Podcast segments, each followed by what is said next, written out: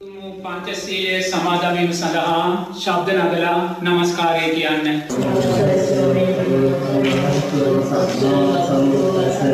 නමෝදස්ස භගවතු වරහතෝ සම්මා සම්බුද්දස්ස නමෝදස්ස භගවතු වරහතෝ සම්මා සම්බුද්දස්ස බුද්ධං සරණං ගච්ඡාමි සරණං ගච්ඡාමි ධම්මං සරණං ගච්ඡාමි धम्मं शरणं गच्छामि। सङ्गं शरणं गच्छामि। द्वितीयम्पि बुद्धं शरणं गच्छामि। द्वितीयम्पि धम्मं शरणं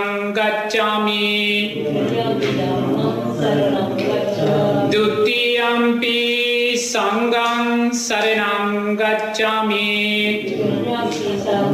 සරණං ගච්ඡාමි තතියම්පි බුද්ධං සරණං ගච්ඡාමි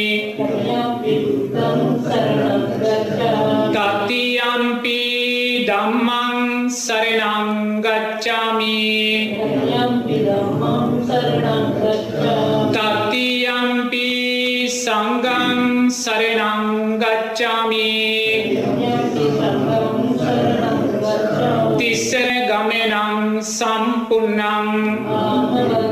පානාති පාතා වේරමණී සික්ඛාපදං සමාදියාමි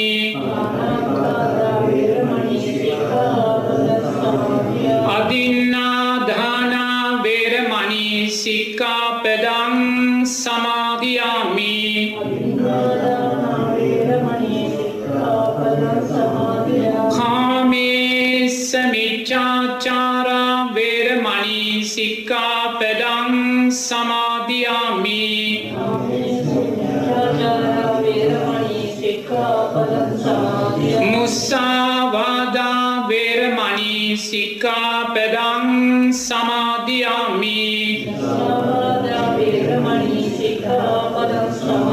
සුරාමේරය මජ්්‍ය පමාදට්ටානා වේරමණී සික්ඛාපදං සමාදියාමි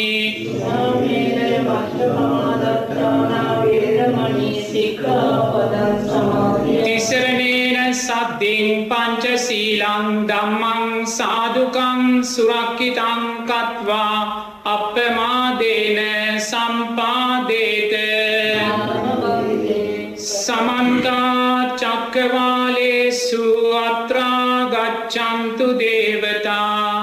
සද්ධම්මං මුනිරාජස්ස සුනන්තු සග්ග මොක්කදං ධම්මස්සවෙන කාලෝ අයං බදන්තා ධම්මස්සවෙන කාලෝ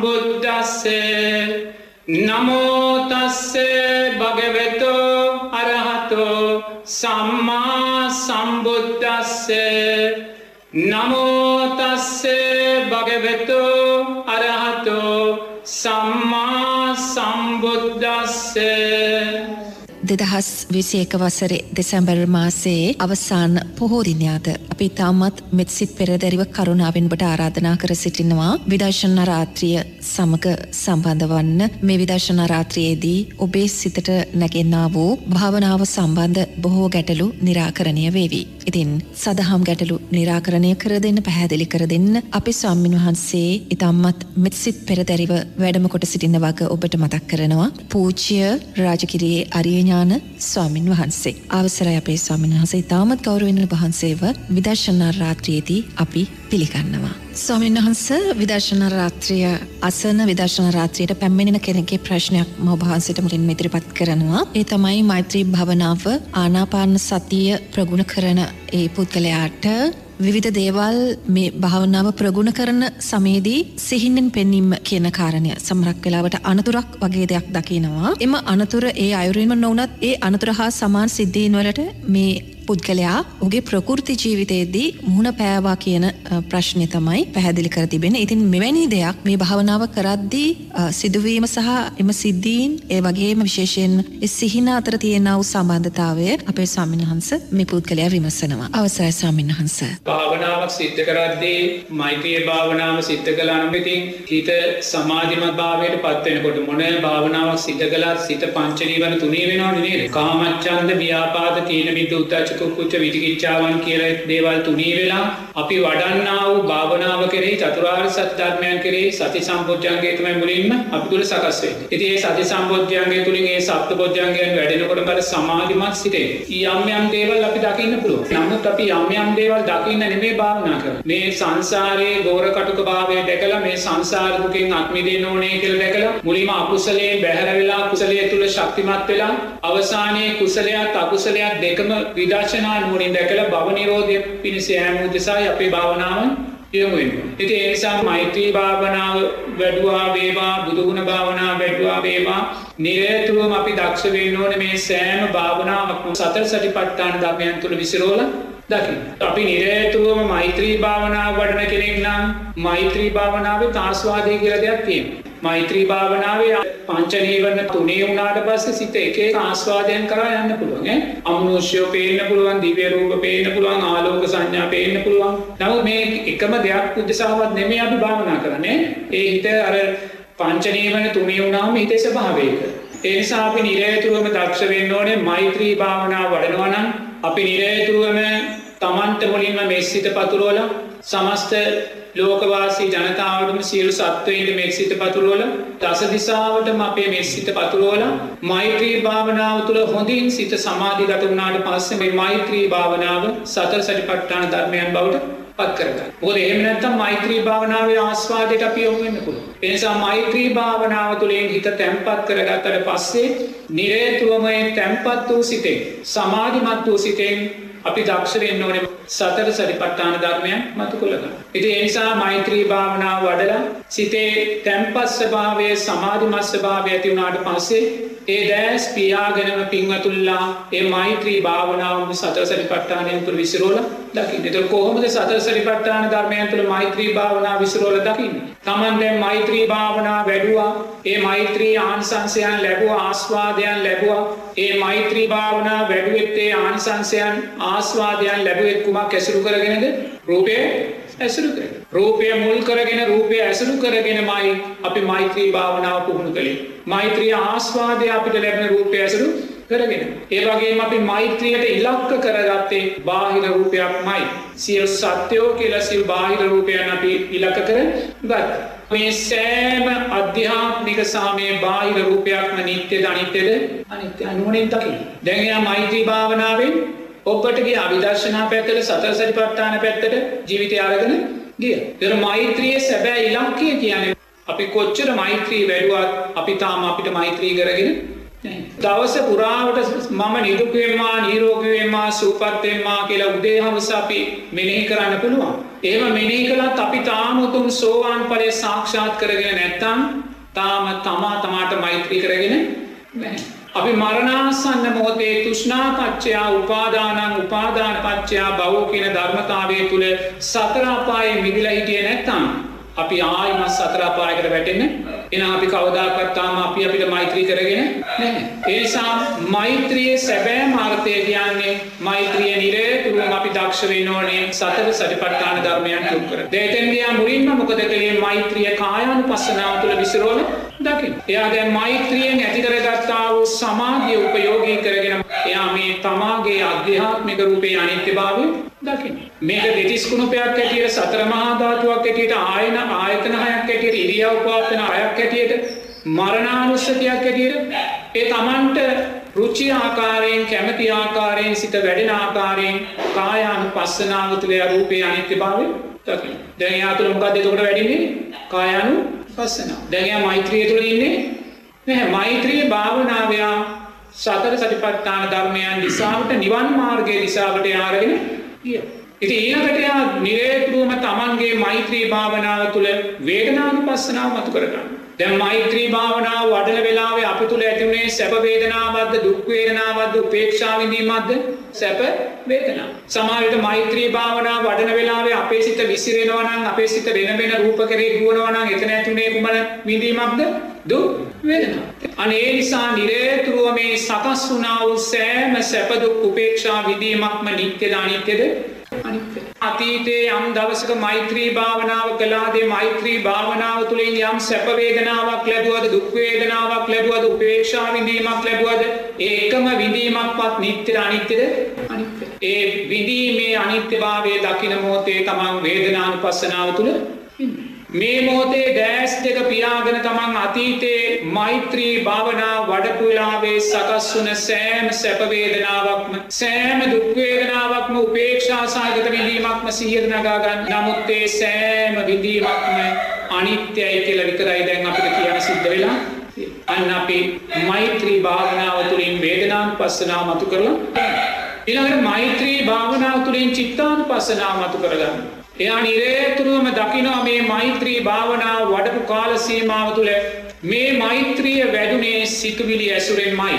අපි යම් බාහිර රූපයක් කරේ මෛත්‍රී වඩන මොහොතක් මොහොතක් පාසා සිතුවිලි ඇතිවෙවී නැතිවෙවී නිරේතුරුවම සිතුවිලිවල අනිත්‍ය භාවයන් වනින් දකි.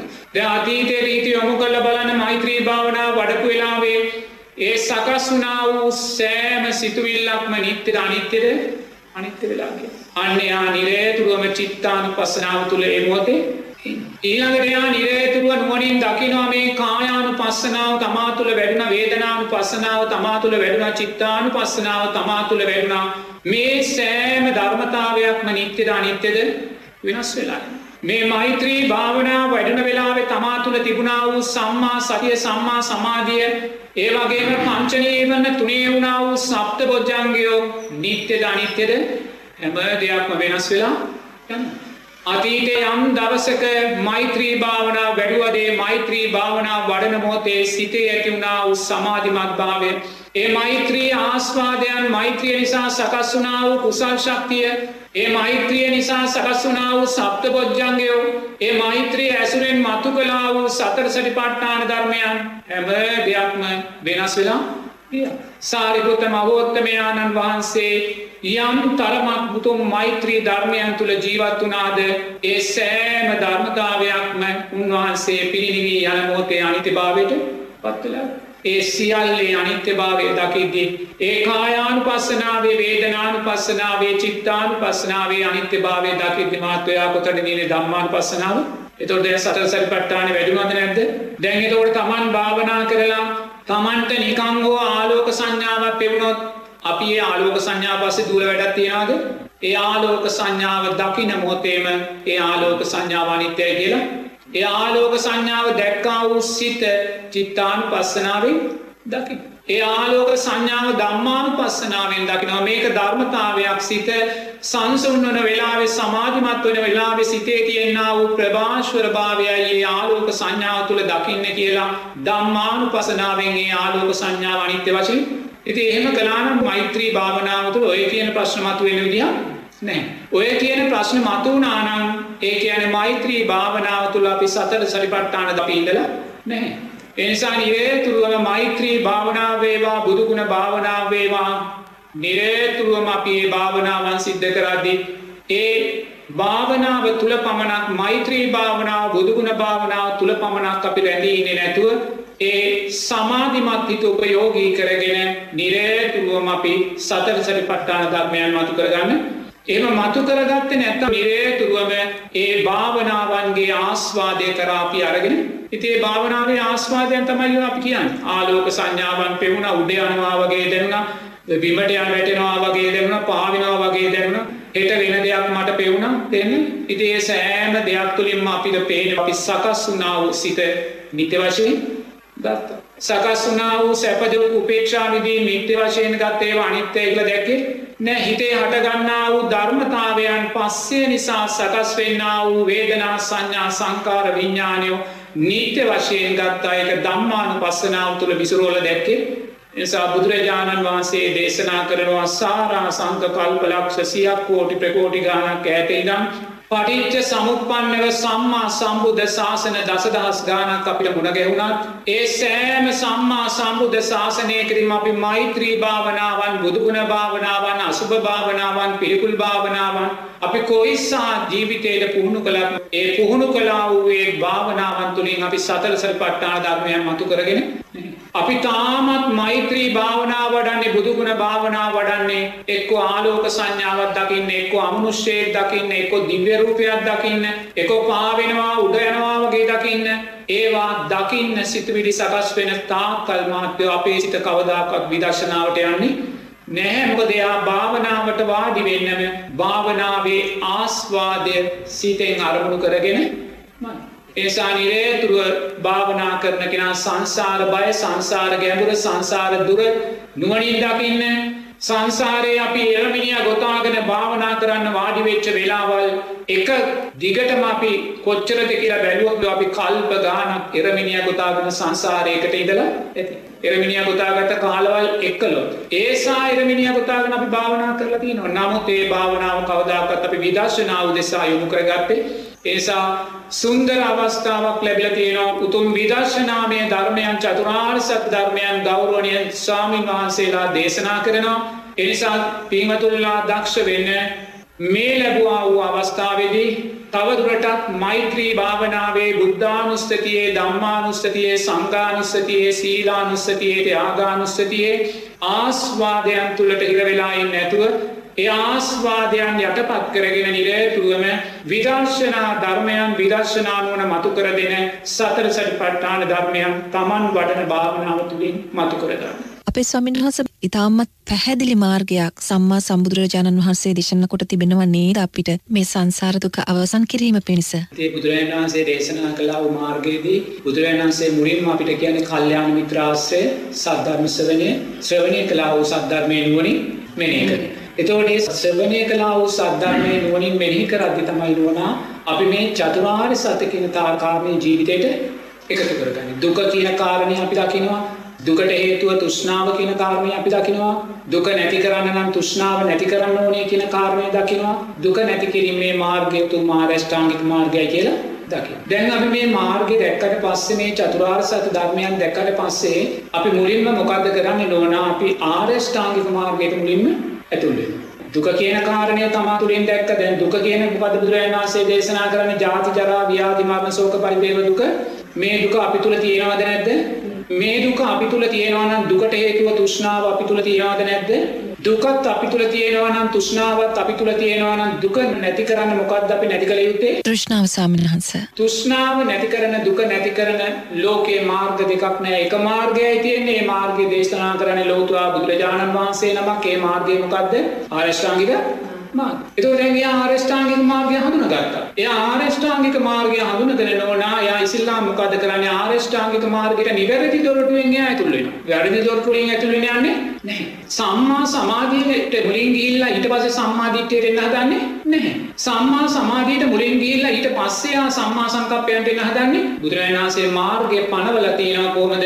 මෙතනින් මාර්ගයට ඇතුල් වෙන්න. කොතනින්ද? සම්මා දිට්ඨිය. කැමති කෙනෙකුට පුළුවන් සම්මා වාචාවන්ගේ සීලයෙන් මාර්ගයට ඇතුල් වෙන්න. කැමති කෙනෙකුට පුළුවන් සමාධියෙන් මාර්ගයට ඇතුල් වෙන්න. කැමති කෙනෙකුට පුළුවන් පින්කම් කියන සම්මා වායාමයන්ගේ මාර්ගයට ඇතුල්. නමුත් බුදුරජාණන් වහන්සේ මාර්ගය එහෙම නෙමෙයි අපිට දේශනා කළා තියෙන්නේ. ඒතර බුදුරජාණන් වහන්සේ අපිට සම්මා දිට්ඨියෙන් ඇතුල් වෙන්න කියන්නේ. ඒතර සම්මා දිට්ඨි සම්මා සංකප්ප පනවන්නේ කුමටද?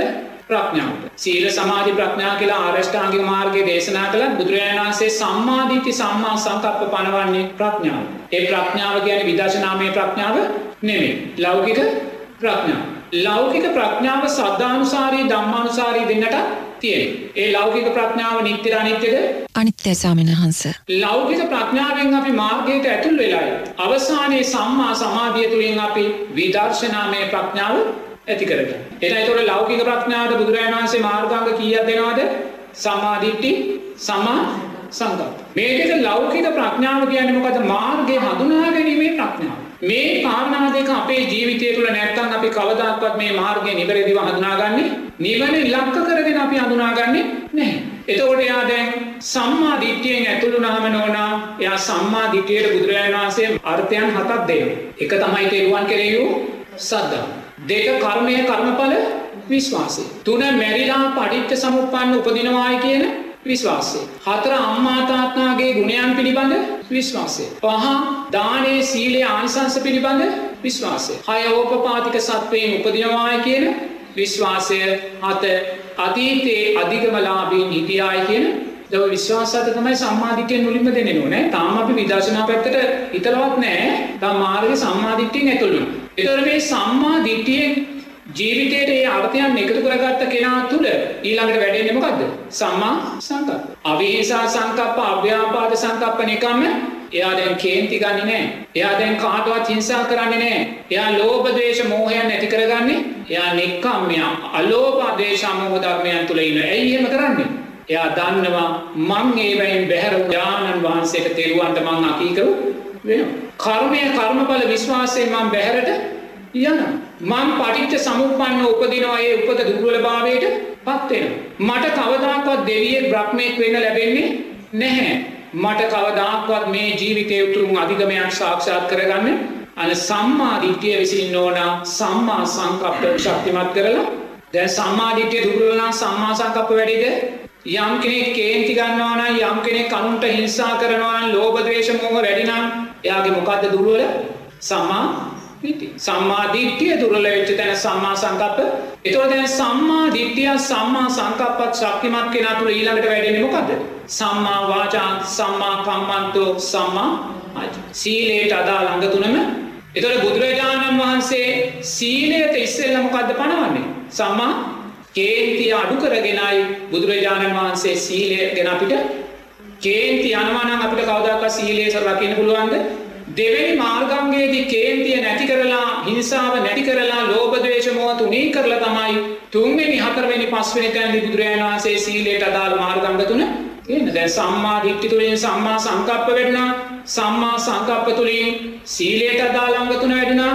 සීලයට අදාළංගතුන වැඩෙද්දී ඊළඟට සමාධියට අදාළංගතුන සම්මා වායාමෝ සම්මා සති සම්මා සම්මා සමාධී. සීලයට අදාළංගතුන සම්මා වායාමෝ කියන්නේ මොකක්ද එයා දැන් කරන්නා වූ කුසල් තව තව ශක්තිමත් නොකලා වූ කුසල්ලයා අලුතෙන් කරන්න පටන් ගන්න. කලා වූ අකුසල් වලට යන්නේ නෑ. නොකලා වූ අකුසල්ලයා කරන්නේ කරන්නේ නැහැ ස්වාමීන් වහන්සේ. මොකද ඒකට කියන්නේ සම්මා වායාම. සම්මා වායාමෝ වැඩුණට පස්සේ යා තුළ වැඩෙන්නේ මොකද? දැන් මාර්ගාංග කීයද මේ දැන් වැඩිලා තියෙන්නේ? හතක් වැඩිලා. සම්මා සතිය කියන්නේ මොකක්ද එතකොට? සම්මා සතිය කියන්නේ යා දැන් කුසලයේ අකුසලයේ නිවැරදිව හඳුනනවා. සීලය දුස්සීලභාවය නිවැරදිව හඳුනනවා. ධර්මය අධර්මය සම්මාධිට්්‍යය මිත්‍යා දෘෂ්ටියා දැන් නිවැරදිව හඳුනනවා. එතකොට එයාගේ සම්මා සතිය තුළින් ඊල්ලඟට යා තුළ සකස් වෙනමකද සම්මා දැන් යා තුළ මාර්ගය පිළිබඳ සැකයක් තියනාද විචිකිච්ඡාවක් තියනවාද? කුසලය අකුසලය සීලිය දුස්සීලභාවය ධර්මය අධර්මය පිළිබඳ සැකයක් විචිකිච්ඡාවක් තියෙනවාද? විචිකිච්ඡාවක් නැහැ. මොකද මාර්ගංග හතක් වැඩිලා තියෙන්නේ. සම්මා දිට්ඨිය තුළ වැඩිලා. ආජීව අටමත සීලය දක්වා යාගේ සීලය ශක්තිමත් වෙලා. එයා කලා වූ පින්කම් තව තව ශක්තිමත්ව කරන කෙනෙක් නොකලා වූ පින්කම් අලුතෙන් කරන කෙනෙක්. ඒ නිසා මෙයාගේ සම්මා සතිය තුළින් ඊළඟට එයා තුළ වැඩෙන්නේ මොකද්ද? සම්මා සමාධි ස්වාමීන් වහන්සේ. දැන් තාම විදර්ශනාවට ආවද? නැහැ. දැන් විදර්ශනාවට මාර්ගය තමයි මේ සකස් කරගෙන ඉන්නේ. දැන් යමෙක් සම්මා සමාධිය ඇති කරගන්න. සම්මා සමාධිය ඇති කරගෙන එයා ධ්‍යාන සම්පත් හොයාගෙන යනවා. එයා පළවෙනි ධ්‍යානය දෙවැනි ධ්‍යාන තුන්වෙනි හතරවෙනි ධ්‍යාන දක්වා රූපාවචර ධ්‍යාන සම්පත් ලබා ගන්න. රූපාවචර ධ්‍යාන සම්පත් ලබා ගත්තත් එයා විදර්ශනා නුවණ ඇති කරගත්ත කෙනෙක් වෙනවද? නැහැ. එයා රූපාවචර ධ්‍යාන ඉක්මවා ගිහිල්ලා මේ ආකාසායංචායතන නේව සංඥා ඥා සංඥා වගේ අරූපී ධ්‍යාන ඇති කරගන්න. අරූපී ධ්‍යාන ඇති කරගත්තත් එයා විදර්ශනා නුවණ ඇති කරගත්තද නැහැ. එයා සම්මා සමාධිය උපයෝගී කරගෙන ලෞකික ඥානයන් කරා ජීවිතේ එයා එහෙම අරන් ගිහිල්ලා එයා මරණාසන්න මොහොතේ එයාගේ සිත එයා පළවෙනි ධ්‍යානයට ගත්තොත් එයා මැරිලා කොහෙද ඉපදින්නේ පළවෙනි ධ්‍යාන තලයට අදාළ බ්‍රහ්ම ලෝකයා රූපාවචර බ්‍රහ්ම තලේ ඉපදිනවා එයා සතර අපායේ මිදුණාද සතර අපායේ මිදුණාද නැහැ ස්වාමීන් වහන්සේ. සතර අපායේ මිදුනේ නැහැ. මොකද එයා සම්මා සමාධිය විදර්ශනා නුවණ පැත්තට අරගෙන ගියේ නැහැ. එයා ලෞකික මාර්ගය තුල අරගෙන ගියා. ඉතින් ඒ නිසා අපි මුලින්ම මාර්ගයට සම්මාදිට්ඨි සම්මා සංකප්පයන්ගෙන් ඇතුල් වෙලා ඊළඟට අපි සම්මා සමාධිමත් හිතක් ඇති කරගෙන ඊළඟට නෝනා බුදුරජාණන් වහන්සේ දේශනා කරන ඔය සම්මා සමාධිමත් හිත හිතේ සතර සටිපට්ඨාන ධර්මයන් වැඩි. දැන් මම ගන්න ධර්මය නම් ඔච්චරයි. ඒතකොට සතර සටිපට්ඨාන ධර්මයන් වඩලා අපි නිරේතුරුවම කාය චිත්ත ධම්ම වේදනා මන් දැන් මුලින් මෛත්‍රී භාවනාවට අදාළ වේ ධර්මයන් මතක් කළා. ඒ ධර්මයන් වඩලා නෝනා ඊට පස්සේ අපි පංච උපාදානස්කන්ධය අනිත්‍යභාවයන් දැකලා අපි සෝවාන් සකෘදාගාමි අනාගාමි අරියත් කියන ඒ උතුම් අධිකමයන් කරා යන මාර්ගය තමයි බුදුරජාණන් වහන්සේ දේශනා කරන්නේ. ඔයිට එහා පැත්තේ ඔය නෝනාව කියපු කාරණාත් එක්ක බුදුරජාණන් වහන්සේ සප්ත විසුද්ධීන් ගැන දේශනා කරද්දී මුදු බුදුරජාණන් වහන්සේ මුලින්ම දේශනා කරන්නේ මොකද්ද? සීල විසුද්ධිය. සීල විසුද්ධිය වැඩුණාට පස්සේ සීලයෙන් ශක්තිමත් වුණාට පස්සේ යා තුල වැඩෙන්නේ මොකද්ද? චිත්ත විසුද්ධිය. යමෙක් තුල සීල විසුද්ධිය සකස් වුණා නම් එයා තුළ ආර්ෂ්ඨාංගික මාර්ගයේ මාර්ගාංග කීයක් වැඩිලා තියෙනවද? මාර්ගාංග සීලෙන් තුන වැඩුණා. නමුත් සීල විසුද්ධිය වැඩෙන්න නම් අනිවාර්යෙන්ම එයා තුළ සම්මා දිට්ඨි සම්මා සංකප්පන් වැඩිලා තියෙන්න ඕනේ. නැත්නම් ඒක සීල විසුද්ධිය බවට පත් වෙන්නේ නැහැ. ඒතකොට කෙනෙක් තුළ සීල විසුද්ධිය වැඩුණා කියන්නේ ආර්ෂ්ඨාංගික මාර්ගයේ මාර්ගාංග පහක්ම වැඩි. සීල විසුද්ධිය තුලින් ඊළඟට වැඩෙන්නේ මොකද්ද? චිත්ත විසුද්ධිය. චිත්ත විසුද්ධිය අයිති වෙන්නේ කුමටද? ආර්යෂ්ඨාංගික මාර්ගයේ සමාධියට අදාළව මාර්ගාංග සම්මා වායාමෝ සම්මා සති සමා. එතොට යම් කෙනෙක් තුළ සීල විසුද්ධිය චිත්ත විසුද්ධිය වැඩෙද්දී එයා තුළ මුළු ආර්ෂ්ඨාංගික මාර්ගයේ ලෞකික පැත්තට වැඩිලද නැද්ද? වැඩිලා. සම්මාධිති සම්මා සංකප්ප අනිවාර්යයෙන්ම එයා ලෞකික ප්‍රඥාව තුළ ඉන්න කෙනෙක්. එතනින් එයා සීල විසුද්ධිය ඇති කරගත්ත සම්මා වාචා කම්මන්තෝ ආජීවයන් එයා තුළ වැඩෙන මාර්ගාංග පහයි. ඊළඟට එයා චිත්ත විසුද්ධියේදී සමාධියට අදාළ මාර්ගාංග තුන ජීවිතයට එකතු කරගන්නවා ඊළඟට එයා දිට්ඨි විසුද්ධියට යනවා. දිට්ඨි විසුද්ධිය කියන්නේ මොකද? එයා දැක්ම නිවැරදි කරගන්න. මොකක්ද එයා දැක්ම නිවැරදි කරගන්නේ කොහොමද? එයා අර චිත්ත විසුද්ධිය තමන්ගේ සමාධිමත් හිත උපයෝගී කරගෙන එයා පටිච්ච සමුප්පාදය තුල ජීවිතේ විසිරෝලා දකින්න. එයා දැක්ම පිරිසිදු කරගන්න මොකෝ අපේ දැක්ම තාම පිරිසිදු නෑ අපි රූපය මමයි කියලා දකිනවා රූපය මගේ කියලා දකිනවා රූපය මගේ ආත්මය කියලා දකිනවා වේදනාව මමේ කියලා දකිනවා මගේ ආත්මය කියලා දකිනවා මමේ කියලා දකිනවා. සංඥාව සංස්කාර විඤ්ඥානයෝ මමය මගේ මගේ ආත්මය කියලා අපි එකන තාම අපේ දැක්ම අපි පිරිසිදු කරගෙන අනිත්‍ය වූ රූපයක් මමේ කියලා දකිනවා. වෙනස් වෙලා යන විඳීමක් මමේ කියලා දක්. වෙනස් වෙලා යන හඳුනා ගැනීමක් වෙනස් වෙලා යන සංස්කාරයෝ වෙනස් වෙලා යන විඤ්ඥානයෝ අනිත්‍යය කියලා තාම අපි දකින්නේ නැහැ. ඒ නිසාම අපේ දැක්මේ පිරිසිදු භාවය සකස් වෙලා ඇයි දැක්මේ පිරිසිදු භාවය සකස් වුනේ නැත්තේ? දිට්ටි විසිදුව ඇති නොවනේ ඇයි? චිත්ත විසුද්ධිය. දුර්වල නිසා ස්වාමීන් වහන්ස. චිත්ත විසුද්ධිය දුර්වල වුණේ ඇයි? සීල විසුද්ධිය. දුර්වල නිසා ස්වාමීන් වහන්ස. සීල විසුද්ධිය දුර්වල වුණේ ඇයි? සම්මා දිට්ඨි සම්මා සංකප්පයන්ට අදාළ ධර්මතාවයන් අපි තුල දුර්වල නිසා ස්වාමීන් වහන්ස. සම්මා දිට්ඨි සම්මා සංකප්පයන් දුර්වල වුණේ ඇයි කල්යාණ මිත්‍රාශ්‍රය සද්ධර්ම ශ්‍රවණයේ නුවණින් මෙනෙහි කිරීම දුර්වල. දුර්වලතාවයන් නිවැරදි කරගෙන එයා චිත්ත විසුද්ධියෙන් සීල විසුද්ධියෙන් චිත්ත විසුද්ධියට ඇවිල්ලා චිත්ත විසුද්ධියෙන් එයා දිට්ඨි විසුද්ධියට ඇවිල්ලා නිරතුරුවම එයා පටිච්ච සමුප්පාද ධර්මයන් තුළ ජීවිතයේ විසිරවල දකින කෙනෙක් බවට එතකොට මේ දිට්ඨි විසුද්ධියෙන් පස්සේ ආ කොහටද යන්නේ කාංකාව විසුද්ධිය. කාංකාව තුන විසුද්ධියේදී එයා තමන්ගේ මුල් විසිද්ධි තුන උපයෝගී කරගෙන නිරතුරුවම සතර සරිපට්ඨාන ධර්මය විදර්ශනාව පුහුණු කරනවා. එයා විදර්ශනාව පුහුණු කළත් එයා නිරතුරුවම විදර්ශනාවේ ආස්වාදයට දැනෙනවා. එයා විදර්ශනාවේ ආස්වාදය අනිත්‍යය කියලා තාම දකින්න දක්ෂ නැහැ. එයා කාංකාවතරන විසුද්ධිය තුළ ජීවත් වුණා එයා සෝවාන් ඵලෙට පත් වෙලාද තාම? සෝවාන් ඵලෙට පත් වෙලා නැහැ. සීල විසුද්ධියෙන් චිත්ත විසුද්ධියට ආව, චිත්ත විසුද්ධියෙන් දිට්ඨි විසුද්ධියට ආව, දිට්ඨි විසුද්ධියෙන් එයා කාංකාවතරන විසුද්ධියට ආවත් එයා තාම සෝවාන් ඵලෙට පත් වෙලා නැහැ. මොකද එයා විදර්ශනාවේ භාවනාවේ ආස්වාදයට එයා කොටු වෙලයි ඉන්නේ. එයා භාවනා කරලා නිරතුරුව මේ ආස්වාදයන්ට කොටු වෙනවා. එයා ආලෝක සංඥාවට එහෙම නැත්තම් පහ වෙනවා උඩ යනවා කොයි වෙලාවකවත් සිතේ සකස් වෙන සිතුවිලි චිත්තානුපස්සනාවෙන් දකින්නේ නැහැ. අපි කවදා හරි දවසක සෝවාන් ඵලයට පත් වුණා කියලා හිත කිව්වොත් එයා ඒ හිත නිත්‍ය වශයෙන් ගත්තොත් එයා කවදාකවත් සෝවාන් ඵලයට පත් වෙලා නැහැ. මොකද මේ පංච උපාදානස්කන්ධය අනිත්‍ය වශයෙන් තාම ඒකේ අනිත්‍යයි කියලා දැකලා නැහැ. මම සෝවාන් ඵලයට පත් වුණා කියලා ඇති වෙන සැප වේදනාව එයා නිත්‍ය වශයෙන් ගන්නවා නම් කවදාක්වත් එයා සෝවාන් ඵලයට පත් වෙලා නැහැ. අන කාංකාව තුන විසුද්ධිය. එයා සීල විසුද්ධියෙන් චිත්ත විසුද්ධියට ඇවිල්ලා චිත්ත විසුද්ධියෙන් දිට්ඨි විසුද්ධියට ඇවිල්ලා දැන් එයා විදර්ශනාව තුළ එයා ජීවත් වෙනවා. විදර්ශනාව තුළ ජීවත්වනත් එයා විදර්ශනාවේ ආස්වාදයට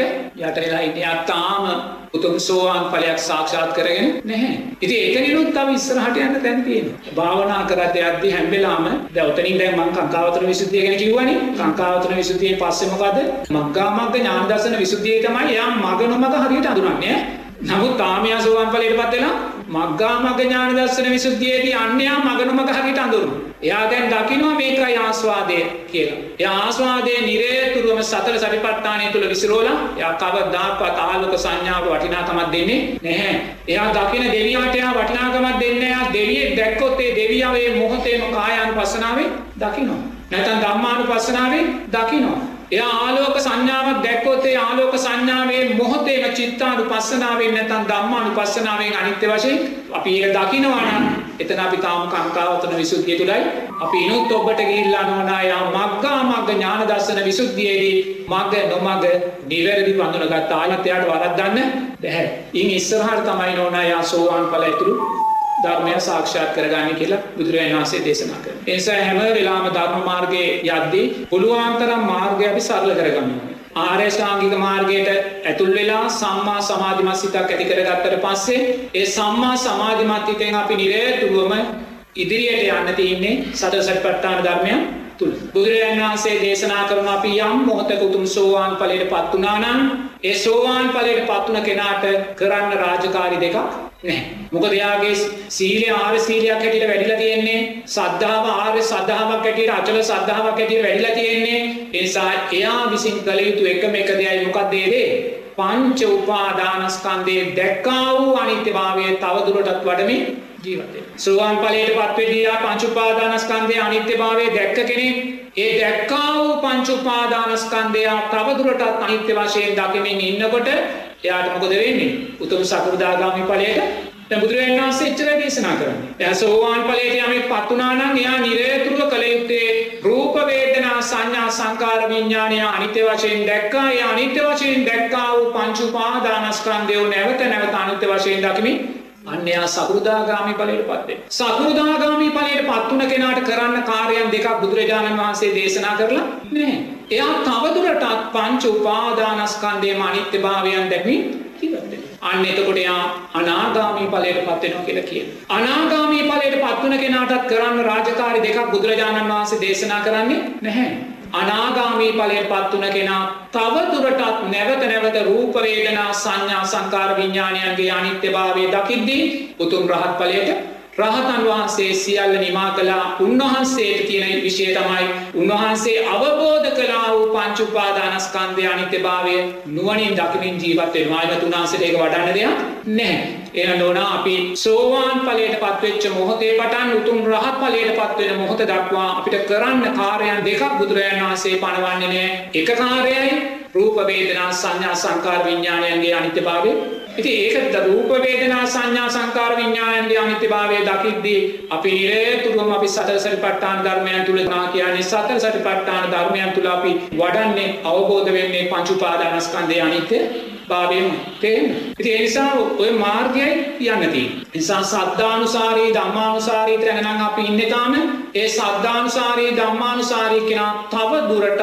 ආර්ය අෂ්ටාංගික මාර්ගයේ ශක්තිමත් කරගෙන සම්මා සමාධිමත් සිත ශක්තිමත් කරගෙන ඒ සම්මා සමාධිමත් සිතෙන් සතර සතිපට්ඨාන ධර්මයන් පුහුණු කරද්දී අන්න එයා සීලය ආර්ය සීලය බවට පත් කරගෙන සද්ධාව ආර්ය සද්ධාව බවට පත් කරගෙන පංච උපාදානස්කන්ධයේ අනිත්‍යභාවය දකිමින් උතුම් සෝවාන් ඵලයට ඉන් එහාට නොන අර කිව්වා වගේ පංච උපාදානස්කන්ධය අනිත්‍යභාවය දකිමින් ඉස්සරහට යන්නයි අපිට තියෙන්නේ. ඉතින් මාර්ගය ওই විදිහට අපි සරල කරගන්න කියන කාරණය තමයි මට කියන්න තියෙන්නේ. ඒක බොහොම පැහැදිලිව එතන තියෙනවා සම්මා දිට්ඨියෙන් ඇතුළු වුණ තැන සම්මා සමාධියෙන් අපිට එළියට එන්නයි තියෙන්නේ. ඒ සම්මා සමාධියෙන් අපි එළියට ඇවිල්ලා පංච නීවරණ තුනී වූ හිත අපි ආයෝජනය කරන්න ඕනේ සතර සතිපට්ඨාන ධර්මය උදෙසාමයි. ඒ සතර සතිපට්ඨාන ධර්මයන් උදෙසා අපි ආයෝජනය කරද්දී අපි මොකද්ද දකිමින්නේ? රූපය අනිත්‍යයි කියලා අපි දකිමින්. නිරේතුරුව දෑස් පියාගෙන තමන්ගේ අධ්‍යාත්මික රූපය අනිත්‍ය භාවය දකින්න. තමන්ගේ අධ්‍යාත්මික රූපය දෙතිස් රූපයක් හැටියට දකිමින් ජීවත්වෙනවා කෙස්ලොම්නිය සම්දත් මස්සට නහර මේ වගේ මේ රූපේ කොටස් තිස් දෙකක් කරලා මනසින් මේ රූපේ අනිත්‍ය භාවය දකිමින් ජීවත්තේ නැතැගයා සතර මහා ධාතුවේ පටවියාපෝතේජෝවායෝ මේ සූපය කොටස් හතරකට කඩලා මේ කොටස් හතරේ අනිත්‍ය භාවය දකිමින් ජීවත්තෙන් නැත මේක අට්ටික සංඥාවක් හැටියට යා දකිමින් ජීවත්තෙන් දෑස් දෙක පියාගෙනයා සෑම මොහොතකම තමන්ගේ රූපය අට්ටික සංඥාවෙන් දකිින් මේ රූපය ඇට සැකිල්ලක් හැටිය දකිින් මේ රූපේ මමය මගේ මගේ ආත්මය කියන ආත්මිය සංඥාවන්ගෙන් බැහැර වෙලා මේ ඇස මේ කන මේ නාසය මේ දිව මේ ශරීරය මේ මනස මමය මගේ කියන ආත්මිය සංඥාවෙන් එයා බැහැර වෙලා නිරේතුවම අට්ටික සංඥාව තුළ ඇට සැකිල්ලක් කරලා දකිමිනි. දැ ඔබ හිතන්න ඔබෝතන වාඩි වෙලා ඔබේ රූපය ඔබ මේ ගණ රූප සංඥාව බැහැර කරලා මමය මගේ කියන රූප සංඥාව බැහැර කරලා ඔබ ඔබේ රූපය ඇට සැකිල්ලක් හැටියට අට්ටි අට්ටි වශයෙන් නිරේතුව දකිනින් ජීවත් වෙද්දි රූපය කරේ තියෙන තුෂ්නාව වැඩි වෙනවා දඩු වෙනවාද?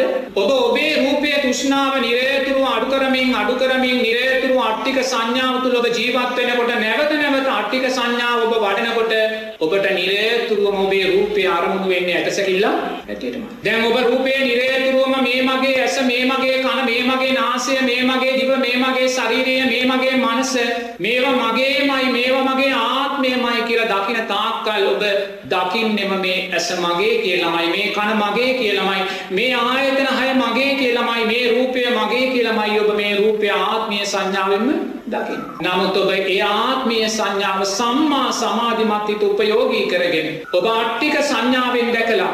නිරේතුරුවම මේ රූපය ඇටසැකිල්ලක් කරමින් දකිමින් දකිමින් දකිමින් දකිමින් යද්දිනෝනා සිත වැඩෙන්නේ මේ රූපය අට්ටික සංඥාව තුළමයි. එතර ඔබ මේ රූපය සිහිපත්වෙද්දී ඔබට සිහිපත්වන්නේ ඇටසැකිල්ලා. ඔබ නිරේතුරුව මේ ඇටසැකිල්ල තුළ ජීවත්වෙන්. ඒ ඇටසැකිල්ලත් ඔබ මනසින් දකිනවා මේකත් කැඩිලා බිනිලා විසිවෙලා කුඩු වෙලා බාහිර සතර මහා ධාතුවටම මුහු කරලා ඔබ නුවණින් දකිනවා වරින්ම. ඒ වගේම ඔබේ රූපය අට්ටික සංඥාවෙන් දකිමින් ඔබට අරමුණු වෙන සියලුම බාහිර රූප ඔබ අට්ටික සංඥාවෙන් දකිනවා.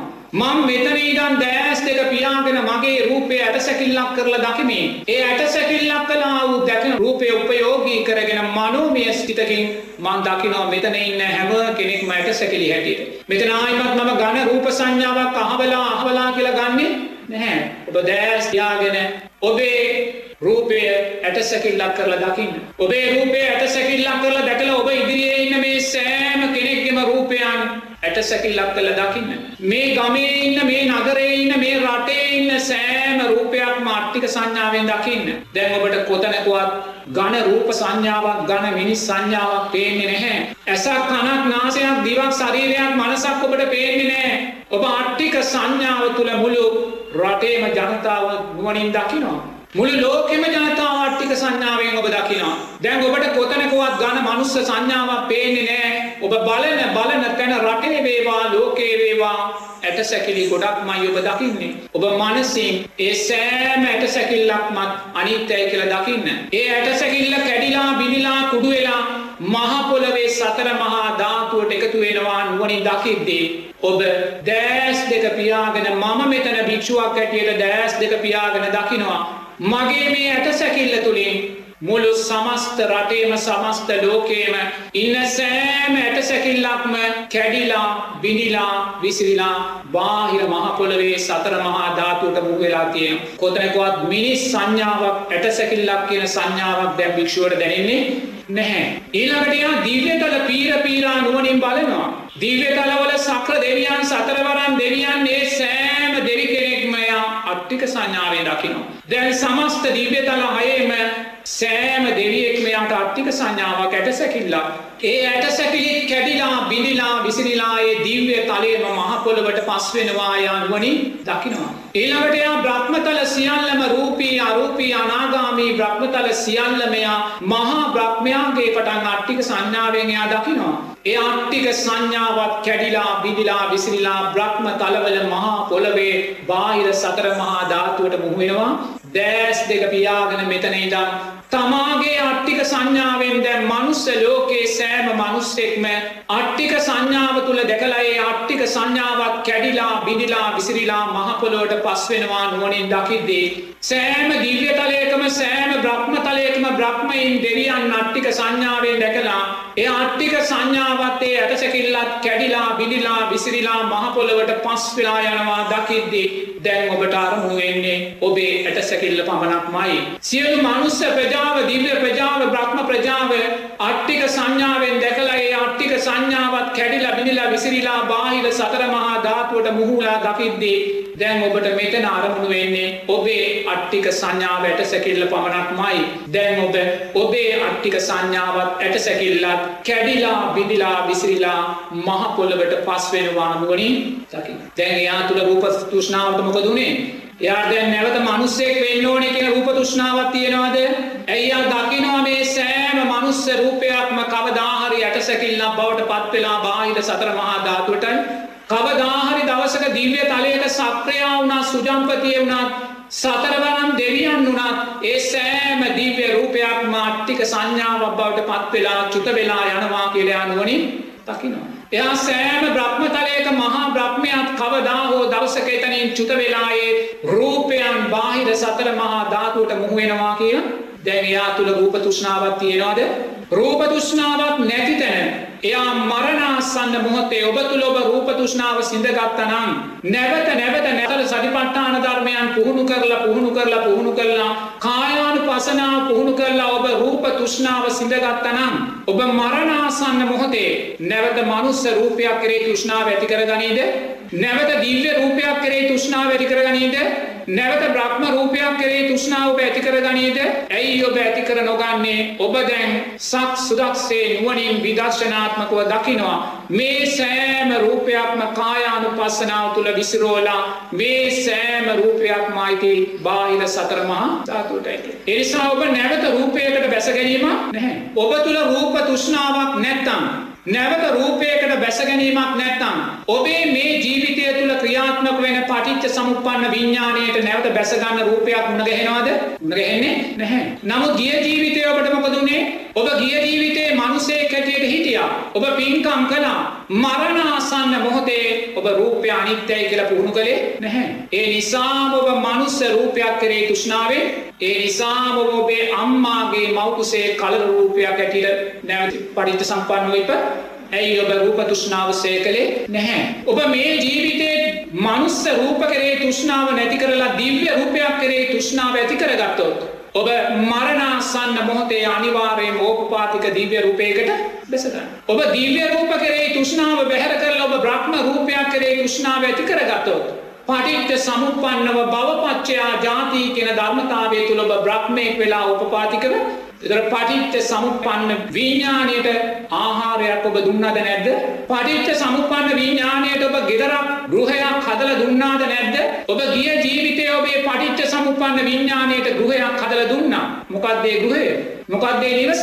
ඔය රූපේ. උපාදාන පච්චයා බව තුෂ්නාපච්චයා උපාදානං උපාදාන පච්චයා බව. අන්න ඔබ ගෘහයක් හදල දුන්නා. ඒ ගෘහය හදල දුන්නේ ඔබේ අම්මාගේ මවකුසේ අර කල්ල රූපය තුළ. සංස්කාර පච්චයා විඤ්ඥානං විඤ්ඥාන පච්චයා නාමරූපන් නාමරූප පච්චයා සලායතන අන්න ආයතන හරි බිහිවුණා ඉපදුනා. ඇයි? රූප තුෂ්ණාව සින්දේ නැහැ. නමුත් දැන් ඔබ ධර්මය දන්නවා විදර්ශනාව දන්නවා මාර්ගය දන්නවා.